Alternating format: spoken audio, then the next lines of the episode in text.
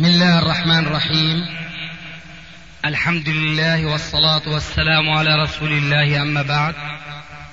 فهذا أحد أشرطة سلسلة الهدى والنور من الدروس العلمية والفتاوى الشرعية لشيخنا المحدث العلامة محمد ناصر الدين الألباني حفظه الله ونفع به الجميع قام بتسجيلها والتأليف بينها محمد بن أحمد أبو ليلى الأثري.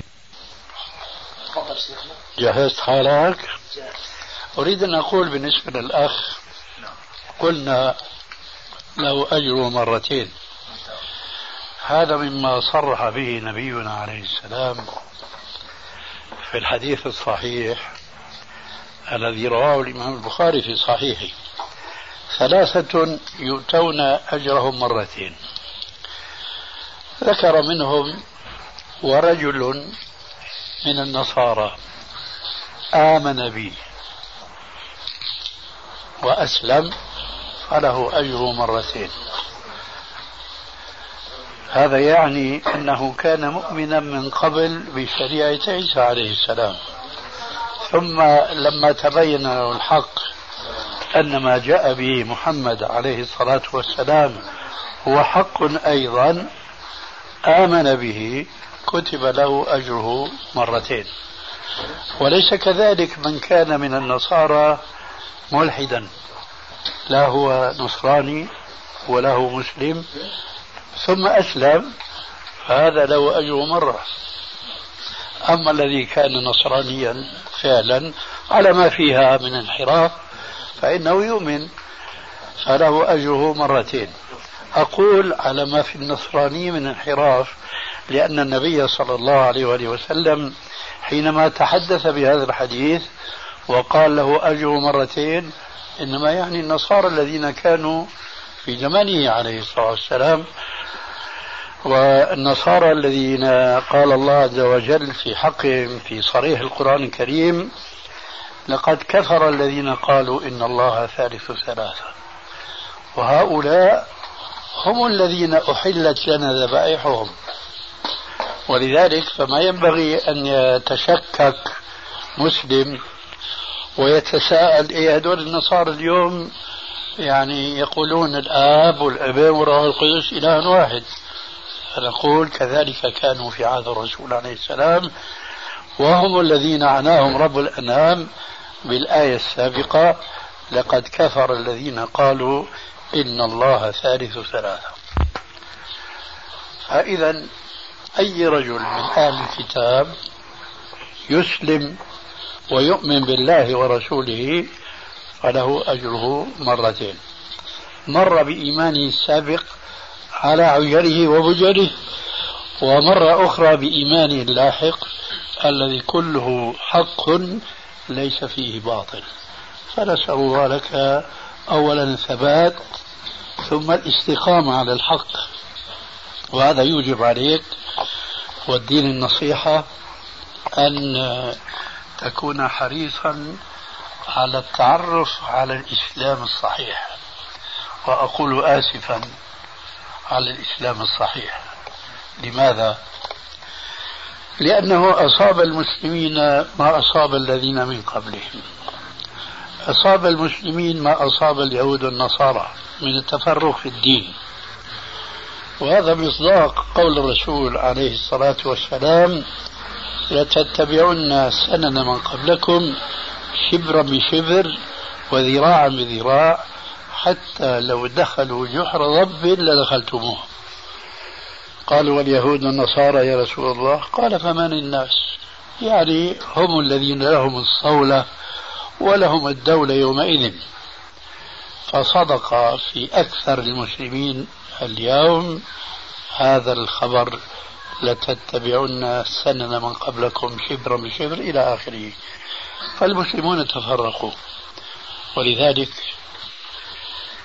فإذ أنعم الله عز وجل عليك بالهداية العظمى وهي الأولى أن أنقذك الله عز وجل من النصرانية الشركية الوثنية إلى الإسلام الذي أولا يأمر الناس بعبادة الله وحده لا شريك له ثم يأمر المسلمين كافة أن يصدقوا بكل الشرائع التي كانت قبل الإسلام.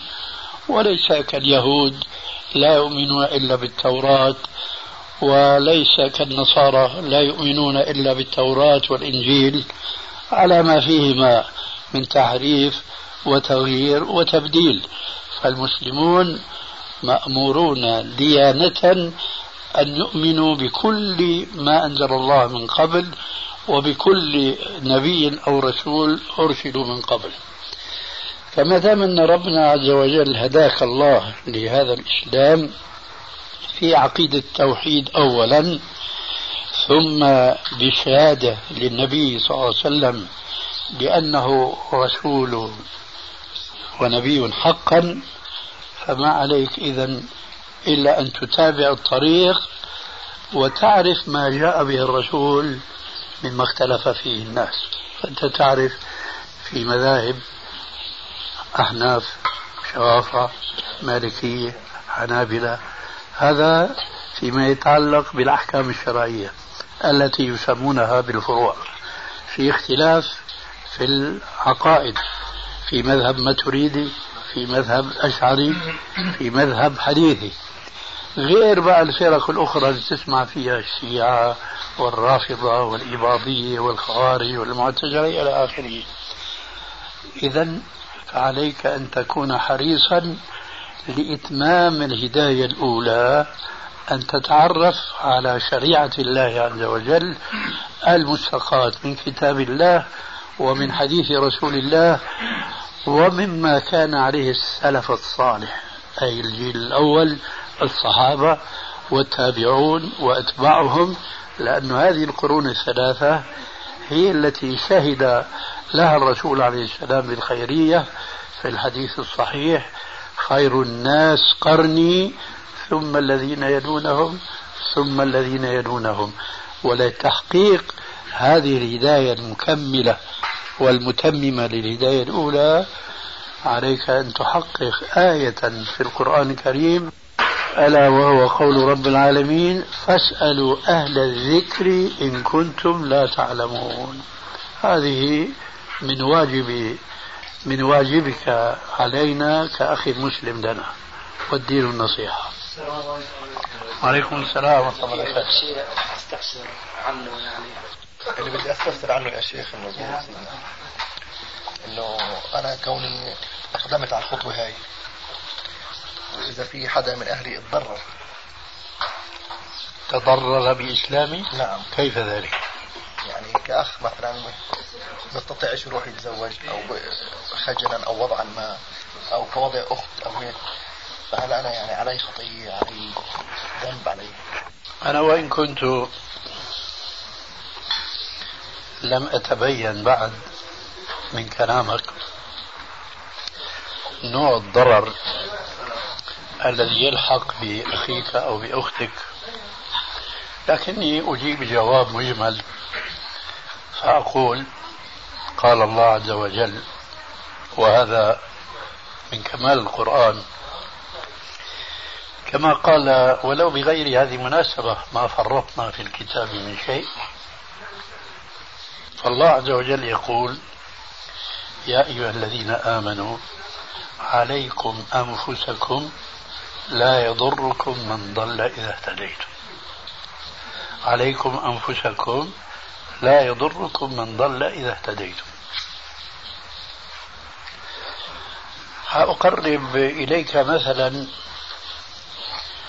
آه، قد يكون الضرر الذي قد يلحق بمن ذكرت من أقاربك أو غيرهم. قد يكون هذا الضرر الذي يلحق بهم بسبب ما أقول بسبب إسلامك وإنما بسبب بقائهم. على كفرهم وضلالهم بحيث أنك أنت تنجو ممن قد يصيبهم. فربنا عز وجل يقول في القرآن الكريم قاتلوا الذين لا يؤمنون بالله ولا باليوم الآخر ولا يحرمون ما حرم الله ورسوله ولا يدينون دين الحق من الذين أوتوا الكتاب حتى يعطوا الجزية عن يد وهم صاغرون. آه هذه هذه الحالة التي وصف الله عز وجل بها أهل الكتاب الذين لا يدينون دين الحق. هم حينما تكون دولة الإسلام قائمة. وأنا آسف أن أقول حقيقة واقعة مرة مؤلمة وهي أن دولة الإسلام اليوم غير قائمة. آه. ولكن الأمر كما قال تعالى وتلك الأيام نداولها بين الناس وكما قال تعالى إن الله لا يغير ما بقوم حتى يغيروا ما بأنفسهم أريد أن أقول أنه لو كانت دولة الإسلام قائمة أمر كل من يعيش في دار الإسلام بأمر من ثلاثة أمور. إما الإسلام كما فعلت وإما القتال كما يفعل أعداء الإسلام دائما وأبدا وإما أن يعطوا الجزية عن يد وهم صاغرون. هنا بقى يأتي الشاهد. وفيه حساسية وأرجو أن تأخذ منها عبرة لك بعد أن هداك الله للإسلام. فلو دعوا إلى خصلة من هذه الخصال الثلاث. كل النصارى الموجودين اليوم في أرض الإسلام. إما أن يسلموا ليسوا مكرهين على الإسلام. لأن الله عز وجل يقول لا إكراه في الدين قد تبين الرشد من الغي. ليسوا مكرهين على الإسلام. ولكن إن لم يسلموا عن طواعية وعن قناعة وأرادوا أن يقيموا في أرض الإسلام فعليهم أن يعطوا هذه الضريبة التي سماها الله عز وجل في القرآن الكريم بالجزية. وهم خاضعون لحكم الإسلام فإن أبوا هذه وهذه أي أبوا الإسلام وأبوا الضريبة حينئذ ليس أمامهم إلا القتال. فأنت لا سمح الله هنا شاهد. لو بقيت معهم في كفرهم في ضلالهم لا اقتضى الأمر أن تقاتل معهم. وإذ هداك الله إلى الإسلام لأمرت أن تقاتلهم. صح ولا لا؟ إذا أي ضرر حيصيبهم بسبب إسلامك الآن؟ شيء لا يذكر إطلاقا. لعله وضح لك الأمر. الحمد لله.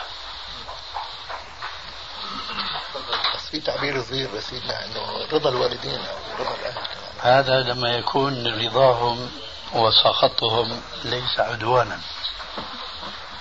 ليس عدوانا أظن هذا من مبادئ الإسلام ولا بد أنه طرق سمعك يوما من الأيام لا طاعة لمخلوق في معصية الخالق. لا طاعة لمخلوق في معصية الخالق.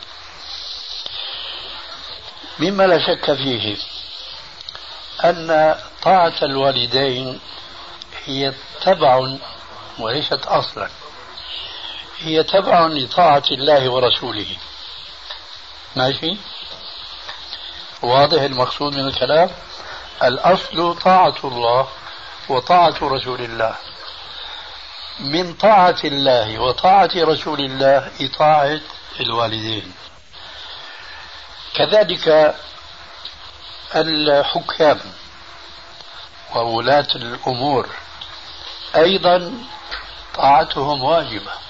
وطاعتهم من طاعة الله وطاعة رسوله. آه، قال عليه السلام أو قبل الحديث وأطيعوا الله وأطيعوا الرسول وأولي الأمر منكم. وأطيعوا الله وأطيعوا الرسول وأولي الأمر منكم. هنا نكتة يذكرها بعض المفسرين رائعة جدا. لماذا ربنا عز وجل كرر الفعل فيما يتعلق بطاعة الرسول ولم يكرر الفعل في طاعة أولي الأمر فقال وأطيعوا الله وأطيعوا الرسول. ما قال وأطيعوا الله والرسول؟ قال وأطيعوا الله وأطيعوا الرسول وأولي الأمر منكم. ما كرر الإطاعة مرة ثالثة. فلم يقل وأطيعوا الله وأطيعوا الرسول وأطيعوا أولي الأمر منكم. لا. ما هي النكتة؟ النكتة أن إطاعة الرسول باعتبار أنها وحي من السماء لا تقبل الخطأ فمن أطاع الرسول يقينا فقد أطاع الله. ولذلك قال وأطيعوا الله وأطيعوا الرسول. أما أولي الأمر فطاعتهم بإطاعتهم للرسول. فإن أطاعوا الرسول وجب علينا إطاعتهم. وإن لم يطيعوا الرسول لم يجب علينا إطاعتهم وهناك حديث مشهور جدا لا طاعة لمخلوق في معصية الخالق. له مناسبة. أرسل رسول الله صلى الله عليه وآله وسلم يوما سرية. أي بدك تقول يعني جيش صغير وأمر عليهم أميرا. وأمر المأمورين بإطاعة هذا الأمير. فأراد الأمير أن يجرب أفراد جيشه هل هم يطيعونه أم لا. فأمرهم بأن يأتوا بحطب يجمعونه من الصحراء. فأمرهم بجمع الحطب فجمعوا. ثم قال لهم التفوا حوله. فالتفوا أوقدوا النار فأوقدوا. ألقوا أنفسكم فيها فتوقفوا ونظر بعضهم إلى بعض. قالوا والله ما آمنا برسول الله صلى الله عليه وسلم إلا فرارا من النار. أفنلقي بأنفسنا في النار؟ قال والله لا نفعل حتى نسأل رسول الله صلى الله عليه وسلم. فسالوا الرسول عليه السلام وقصوا عليه القصة فقال والذي نفس محمد بيده لو أنكم ألقيتم أنفسكم فيها ما خرجتم منها إلى أن تقوم الساعة. لا طاعة لمخلوق في معصية الخالق. الشاهد إذا طاعة الوالدين مثل طاعة ولاة الأمور. هؤلاء يطاعون في طاعة الله والرسول فإذا عصوا الله والرسول فلا طاعة لهم. فمثلا الولد أسلم لكن أبوه لا يرضى بإسلامه. نحن نقول بالتعبير السوري عمره ما يرضى لأنه يكفي أن يكون الله راضيا عنه. وكما قال ذلك الصحابي الجليل من هو لست أبالي حين أقتل مسلما؟ على أي جنب كان لله مصرعي من هو الصحابي الجليل؟ خباب ها؟ لست أبالي حين أقتل مسلما. على أي جنب كان لله مصرعي لست أبالي إذا كان أمي أو والدي راضيا عن إسلامي. لا طاعة لمخلوق في معصية الخالق. ولكن هنا كلمة لابد من إلقائها إتماما لسابقتها. أنت ولو أن الله عز وجل امتن عليك وفارقتهم عن ضلالهم إلى هدى الإسلام فلا يزال طاعتك للوالدين مفروضا عليك. بالقيد السابق أي دون معصية. فخدمتك لهما يجب لا أقول أن تبقى كما كانت بل يجب أن تتحسن عما كانت. لكن ليس في معصية الله. قالوا لك مثلا هات الغرض الفلاني أعطنا كذا دنانير وأنت باستطاعتك فعليك أن تجيبهم. لكن قالوا لك خذ هذه الخمسة دنانير واشتري لنا خمرا. تقول معذرة. لا طاعة لمخلوق في معصية الخالق. فإذا أنت ينبغي أن تظل في طاعتهما ما لم يأمراك بمعصية. وقد جاء في صحيح البخاري. ولعلك سمعت بشيء اسمه صحيح البخاري. نعم. الحمد لله. هذا أصح الكتب التي تروي سيرة الرسول عليه السلام وأحاديثه وأقواله وأفعاله وهديه. فجاء في هذا الكتاب أن أسماء بنت أبي بكر جاءت أمها إليها وهي مشركة وكانت مقيمة على شركها في مكة. فجاءت زائرة لابنتها أسماء بنت أبي بكر وهي في المدينة. فسألت الرسول عليه السلام هل تصلها؟ أي تكرمها بشيء؟ فأمرها بذلك عليه السلام. ما الفرق بينها فهي مسلمة وأمها فهي مشركة وثنية. فإذا يجب أن يعني تستحضر في ذهنك هاتين الخلاصتين. لا طاعة لمخلوق في معصية الخالق لكن هذا لا ينافي وجوب استمرارك في برك بأمك وأبيك. وأن تحسن إليهما وإلى إخوتك بالشرط الأول وهو لا طاعة لمخلوق في معصية الخالق. الله يجزيك الخير يا شيخ. آمين. لعله شيخنا عنده خليه على راحته. نعم. جاهز يعني إذا كان في شيء. خلاص اخطب ما في هنا شيء؟ تماما للحديث اللي ذكرت سابقا نوهت بأنه طعام الكتاب الذي أحل لنا باق على مشروعيته وأن شيئا مما من الأحكام السابقة لم يتغير ولم يتبدل.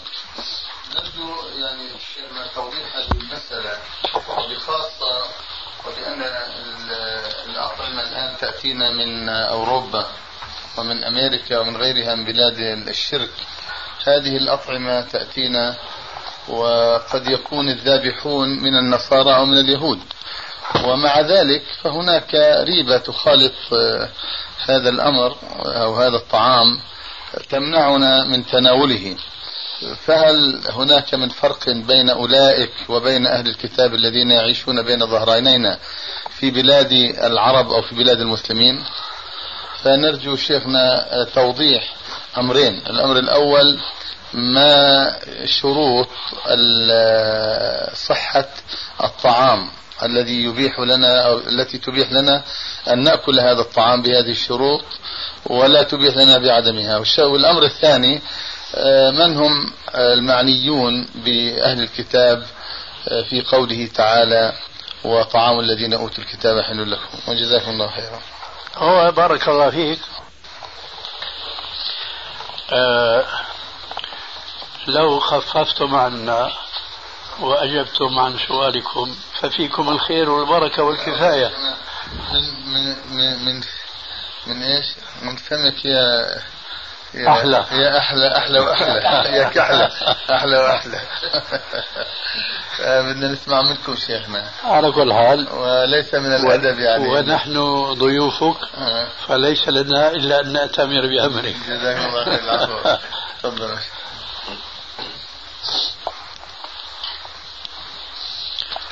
أنا أشرت آنفا إلى أن أولئك النصارى الذين كانوا في عهد النبي صلى الله عليه وآله وسلم كانوا في عقيدة الإسلام وصريح النص في القرآن كانوا مشركين. يقولون إن الله ثالث ثلاثة. فصرح القرآن بكفرهم. لقد كفر الذين قالوا إن الله ثالث ثلاثة. وقلت أيضا مع هذا فربنا عز وجل أو أشرت مع هذا أن الله عز وجل ألهم نبيه عليه السلام بأن يقول أن من الثلاثة الذين يؤتون أجرهم مرتين أهل الكتاب إذا أسلم أحدهم فله أجر مرتين.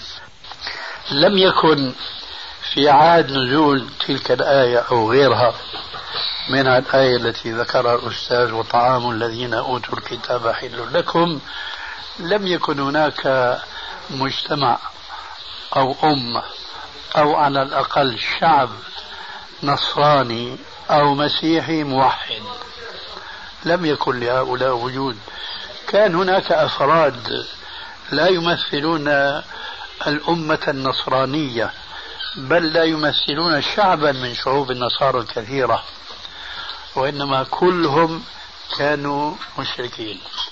كانوا يقولون الآب والابن وروح القدس إله واحد. مع ذلك قال الله عز وجل في حقهم وطعام الذين أوتوا الكتاب حل لكم.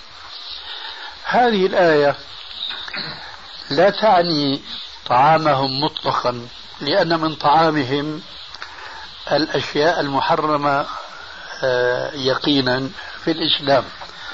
من ذلك مثلا الخنزير لحم الخنزير فهو من طعام النصارى.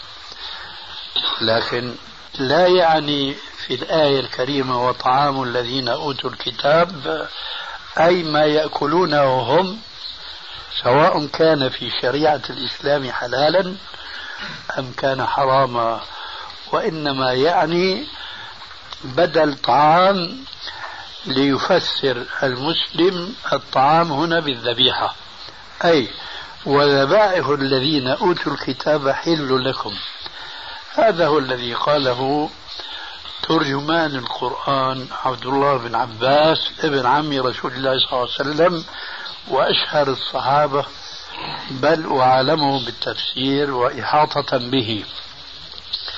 إذا قوله تعالى وطعام الذين أي وذبائح الذين أوتوا الكتاب من قبلكم حل لكم.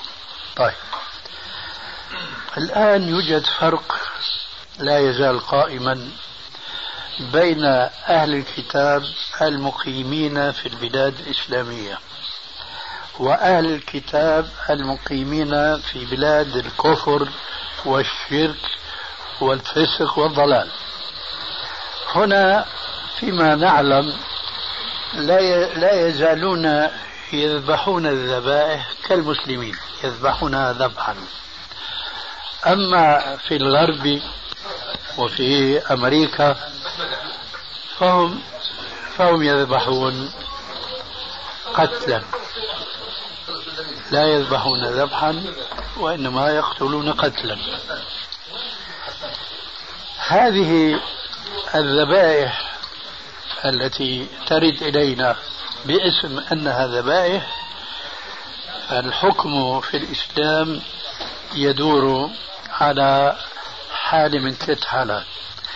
إذا عرفنا أنهم ذبحوا ذبحا ولم يقتلوا قتلا وهم أهل الكتاب فذبائحهم كذبائح أهل الكتاب في بلاد الإسلام فهي حلال. وإذا عرفنا أنهم آه، لا يذبحون وإنما يقتلون قتلا فذبائحهم والحالة هذه ليست بالحلال وإنما هي حرام. وإذا دار الأمر بين هذا وهذا أي لم يعرف الطاعم أن هذه قتيلة أم هذه ذبيحة؟ حينئذ يأتي أمر ثالث وهو أن يحتاط في دينه كما قال عليه السلام في الحديث الصحيح إن الحلال بين والحرام بين وبينهما أمور مشتبهات لا يعلمون كثير من الناس فمن اتقى الشبهات فقد استبرأ لدينه وعرضه. ألا وإن لكل ملك حمى ألا وإن حمى الله محارمه ألا ومن حام حول الحمى يوشك أن يقع فيه إلى آخر الحديث. والحديث الآخر دع ما يريبك إلى ما لا يريبك. وهناك حديث ثالث أنا أذكره ل لعلو معناه ودقته مع التنبيه على عدم صحته رواية عن النبي. فكان أشبه آدم أنه من غير أب ولا أم وأشبه حواء التي هي من آدم فهو من أنثى بلا ذكر خالف سائر الناس. وهو آية من آيات الله تبارك وتعالى لكنه عبد الله ورسوله.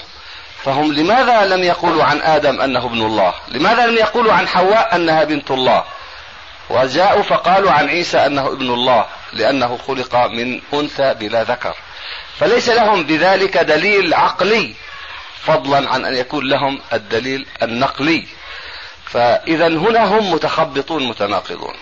تناقشهم في هذه النقطة فقط بهذا لتبين ضلالهم في ذلك وأنهم ليسوا على شيء. كما تبين لهم أن عيسى قد بشر وما زالت البشارات في التوراة حتى المحرفة. واقرأ في ذلك من الكتب المحدثة يعني ما كتبه آه هذا أحمد ديدات وغيره وما ذكره آه غيره من ذكر آه البشارة باسم رسول الله صلى الله عليه وسلم. وأنه ما تزال في التوراة وفي الإنجيل المحرفين ما يزال ذكر رسول الله صلى الله عليه وسلم. والله عز وجل قال وإذ أخذ الله ميثاق النبيين لما آتيتكم من كتاب وحكمة ثم جاءكم رسول مصدق لما معكم لتؤمنن به ولتنصرنه. قال أقررتم وأخذتم على ذلكم إصري. قالوا أقررنا. قال فاشهدوا وأنا معكم من الشاهدين. يقول ابن عباس رضي الله عنه ما بعث الله نبيا وهذا في صحيح البخاري إلا وأخذ عليه العهد والميثاق. لئن بعث محمد وهو حي ليؤمنن به ولا ينصرنه كل نبي عيسى فمن قبله. عليهم الصلاة والسلام. قد أخذ الله عليهم العهد. لئن بعث الله محمدا وهم أحياء أن يؤمنوا به وأن ينصروه وأن يكونوا من أتباعه. وكذلك أمر أخذ الله عليهم العهد والميثاق أن يأخذوا على أقوامهم العهد والميثاق لئن بعث محمد وهم أحياء ليؤمنن به ولا ينصرونه فالأنبياء بأشخاصهم يجب أن يكونوا أتباعا لمحمد إذا بعث وهم أحياء وكذلك أقوامهم عليهم أن يكونوا أتباعا ومناصرين لرسول الله صلى الله عليه وسلم إذا بعث وبدون ذلك فليس لهم طريق إلى الجنة. وعيسى عليه الصلاة والسلام الذي كان من آيات الله أن رفعه الله إليه وهذا ما ضل به النصارى سيهبط وسينزل إلى الأرض ويحكم بكتاب الله وبسنة محمد صلى الله عليه وآله وصحبه وسلم. آه، وهذا لعله أيضا من من من بيان تمام العهد الذي أخذه الله تبارك وتعالى على الأنبياء وخاصة على عيسى عليه الصلاة والسلام الذي بشر بمحمد وهو كذلك سيعود مرة أخرى ينزله الله إلى الأرض فيحكم بما حكم به محمد صلى الله عليه وآله وصحبه وسلم ويكسر الصليب ويقتل الخنزير. يعني هذا بهذه العجالة والأمر يحتاج إلى تفصيل أكثر لكن لعل الله ينفعك بهذه الكلمات ونسأل الله عز وجل أن يغفر لنا ولك وأن يحشرنا تحت لواء سيد المرسلين. الموضوع هذا يذكرنا في قصة آه، إسلام سلمان الفارسي رضي الله عنه وأرضاه. وكيف عانى يعني من الصعاب والمشاق. وهو في بداية الطريق طبعا عندما بيع عبدا وكان يعني قد التقى أو ذهب مع ذاك الأسقف. وكان خبيثا ذاك الأسقف يعني يدعو الناس إلى الصدقات ويرغبهم فيها ويكتنزها لنفسه. حتى يعني اكتنز آه، سبع جرار من ذهب وورق. شأن أكثر القسيسي والرهبان أي نعم. وهو في بداية الطريق ما زال. كانت يعني ممكن أن تكون صدمة ينتكس فيها سلمان رضي الله عنه وأرضاه ويترك الدين. وكما يعني ورد في البخاري أنه تنقلت آه من رب إلى رب. يعني بضعة عشر ربا. يعني من رب إلى رب. وينتقل من بلد إلى بلد. ويعاني مما يعاني. يعني أمور كثيرة عاناها سبحان الله حتى تم أمره. فنسأل الله أن يعلم أجرك والثواب. هذه طيبة إن شاء الله وتنفعك في حياتك. وكما قلنا لا يمنعك أن تسعى وراء الرزق بالطرق المشروعة والتي تتناسب مع عزة المسلم. وربك يقول ولنبلونكم بشيء من الخوف والجوع ونقص من الأموال والأنفس والثمرات وبشر الصابرين الذين إذا أصابتهم مصيبة قالوا إنا لله وإنا إليه راجعون أولئك عليهم صلوات من ربهم ورحمة وأولئك هم المهتدون. فنحن نأمرك بل أستغفر الله من الأمر وإنما نذكرك بأن تصبر نفسك على الجف التي صدمت بها وكنت ترجو سوى ما صدمت به آنفا. فعليك بالصبر والتدرع به حتى تكون من هؤلاء الصابرين الذين إذا أصابتهم مصيبة قالوا إنا لله وإنا إليه راجعون. أولئك عليهم صلوات من ربهم ورحمة وأولئك هم المهتدون. ورسول الله صلى الله عليه وآله وسلم يقول نحن معاشر الأنبياء أشد ابتلاء الأمثل فالأمثل والمؤمن يبتلى على قدر دينه. أرجو أن تتأمل معي في هذه الفقرة من حديث الرسول عليه السلام. والمؤمن يبتلى على قدر دينه. كلما اشتدت البلوى في المؤمن حقا كثر صبره. فذلك دليل قوة إيمانه. وهذا الذي نرجوه لك أن تكون قوي الإيمان لتتدرع بالصبر أمام أي شيء تراه مما لا ترضاه. تفضل. وأيضا آه، أشير إلى أنك طالما أنك درست اللاهوت فأنت أقدر الآن على أن آه، تبين آه، بطلان عقائد القوم وما عندهم من تناقضات وما في الأناجيل من تناقضات ومن أشياء. تحتاج إلى دراسة الإسلام أيضا دراسة متأنية واعية مبصرة ثم تقارن يعني تبين الحق وتبين الضلال والباطل الذي عند القوم. هذا تكون فيه على ثغرة من الثغرات وتدعو إلى سبيل ربك بالحكمة والموعظة حسنة. ولعل ذلك أيضا يكون آه، سببا وليس هذا الذي يعني يهمني لكن لعله يكون سبب من الأسباب التي يمكن فيها أن تؤلف بعض الكتب التي تنصر فيها الإسلام وتبين الحق وتكون سبب في أن تدر عليك شيئا من المال الذي ينفعك في دنياك. وإن كان ليس هذا هو القصد وإنما نصرة دين الله عز وجل هو الأصل. فباعتبار أنك درست اللاهوت فنحن الآن أو المسلمون الآن بحاجة إلى جهودك في هذا لبيان ضلال هؤلاء القوم. وإياك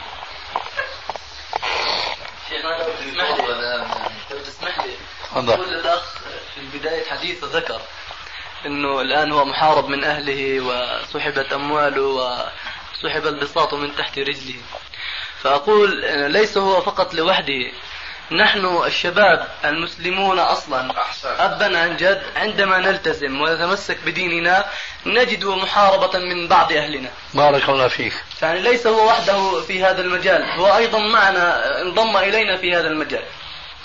فيعني هذه من باب قد تكون المواساة والتعزية له ما كانش تفاجؤ تبعي من أهلي نعم. أهلي متوقع منهم أنا اللي تكلمت فيه إنه تفاجأت بعد ذلك لما راجعت أنا المسؤولين ومشان بعض أمور. وهو الذي أيضا فقط. ما يكون من نعم. المسؤولين أيضا. إذا كان الأهل هيك فمن باب أولى هذولاك من باب أولى. إذا الأهل لاقين هذا الشيء منهم فمن باب أولى شخص غريب مسلم مثلك مثله. فأنا الآن يعني قبل فترة كنت أراجع الأوقاف. فقلت لبعض الناس يعني لو إني بجوز أراجع وزارة الفنون أو وزارة السياحة لوجدت احترام وتقدير منهم أكثر مما وجدت في وزارة الأوقاف. فهذا شيء طبيعي يعني إحنا في هذا المجتمع. هذا هذا ولد عمي ربي الأصدقية هذا التزم من قريب. هو موظف بنك ولا يزال ويسعى الآن أن يجد عمل غير عمل البنك. نسأل الله سبحانه أن ييسر له ذلك. هو الآن يحارب. إيه؟ شو اللي جرى لك؟ ما تحضر أعراس؟ أنت مجنون؟ جنيت شو ما في هيك الدين. الآن هاي اسأله هذا يحارب. لا حول حول أولا لأنه ترك البنك. ترك الربا الآن يقول له كيف تترك البنك يا موظف بنك أنت. تروح تشتغل مراسل تشتغل مراسل الآن؟ تجد يترك البنك؟ يشتغل مراسل فهي كانت يشتغل البنك. والآن الحمد لله على نعمة هذا الدين. الحمد لله. الله سبحانه تعالى ينير بصيرته. وربنا بيكشف عن صدره. ويزيل هذا الكدر اللي كان فيه. بايش باي ثمن هذا الدين. فهذه نعمة في وسط الظلام اللي بنعيشه إحنا في الدنيا. انه يكون في الحمد لله مسلمين وشباب وشيوخ ونساء وبنات يؤمنون بهذا الدين حق الإيمان ويتركوا الدنيا هذه كلها ويطلقوها. هذه نعمة عظيمة يا شيخ. فلا يعني يوقع الشيطان في صدرك ولا ينفذ في صدرك مثل هذا الوهن. لا لا أنت يجب أن توطن نفسك لو كان الناس كلهم حربا عليك أن تكون على إيمانك. وبذلك تعرف طعم الإيمان. ويكون مطمئن أنك يعني لا تريد أن تتخلى عن إيمانك مهما أصابك من ضرر في الدنيا وأنك آه، يعني لو لو لو ألقيت في النار فلا تتخلى عن الإيمان. فحينئذ تعرف طعم الإيمان. وحلاوة الإيمان وتذوق طعمه. معلش شيخنا مع إني صار لي وقت إني بتردد إني أتحدث لكن وجدت لابد من الحديث يعني اللي بدي أتحدثه أنا. وسؤالي الاخ إنه كان لك أصدقاء من المسلمين؟ كان؟ فما كان شيخنا تصوري فرق بينه وبينهم؟ ونحن شيخنا كنا زيهم. يعني كان أصدقاء من النصارى ونحضر معهم شيخنا الكريسماس ونروح معاهم ونيجي وكذا. إلا أنه سبحان الله ما كان يعني هذاك الفرق. يعني اسم هذا مسلم وهذا نصراني. أنا أصلا يعني تاجر نوفتيه ملابس. وكنت أبيع من الملابس حقيقة يعني أفظع الموديلات وأسوأ الموديلات من إيطاليا ومن فرنسا. وكان محل مشهور شهرة كبيرة جدا. حتى يعني خليعات البلد وخلاع البلد كان ما يجي يشتغل من عندي. وكان محل كثير موفق توفيق يعني آه، توفيق دنيوي. يعني كان محل يعمل عمل جيد.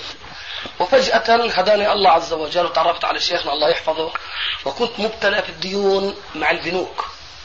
فسألت شيخنا كان أول لقائي مع شيخنا الله يحفظه ربنا يجزيه الخير عنا وعن المسلمين جميعا. سألت سؤال عن المعاملة البنكية. فقال روى لي حديثين عن النبي صلى الله عليه وسلم. الأول اللي هو شيخنا لما ذكرت صاحب الفرق. والثاني اللي هو الرجل اللي كان ماشي في الصحراء وسمع صوتا في السماء. وقال بالأخير أنا رجل يعني ما أنا رجل اقتصادي أو يعني بهذا أنا أفتيتك إنه ما بيجوز المعامله مع البنوك. فسبحان الله هميت وبدأت مع التجار نألم هالشكات وأتصل بالتجار. أي واحد له عنده قرش واحد ما في بنك. تصرف الشك عندي أنا. وانظر كيف الآن بدي اتحول من الحرام في البيع والشراء من التنورة والفستان والبنطلون الجينز وهالزباين كانوا عندي إلى عالم آخر. صدقني يا أخي إني بعد ما كنت يوميا أصرف عشرات الدنانير إنه مرت علي شيخنا أيام أبل الخبز وأكله. أبله من قساوته وأكله أنا وأولادي في البيت. بعد ما كنت يوميا الكباب والشقه في السيارة شمات الهواء ليش؟ لأني الآن انتقلت من مرحلة لمرحلة. يجوا عندي زبايني ما يجدوا موديلات. إيش الآن بدأت أجيب شغلات شرعية؟ فعندي بضاعة بألوف الدنانير البضاعة تدفع بعضها البعض في البيع والشراء. تميتني صابر صابر حتى أخيرا أتلفت بعضها في كنت أشاور شيخنا في مسألة التنورة آه، أتلفها المكياجات العطورات كذا. والحمد لله الله عز وجل لاني صبرت والحمد لله عدت الآن يعتبر محل من أشهر المحلات التجارية ببيع الجلباب الشرعي والملابس الشرعية الإسلامية ولا نقرب الحرام من فضل الله عز وجل. فالإنسان عليه أن يصبر يعني. بس هذا هو بيت القصيد الصبر. أي نعم. وإنما يوفى الصابرون أجرهم بغير حساب صار الوقت سبحانك اللهم وبحمدك أشهد أن لا إله إلا أنت أستغفرك ربنا يحفظكم ويبقى عمركم إن شاء الله. تفضل. يلا أحمد على يلا.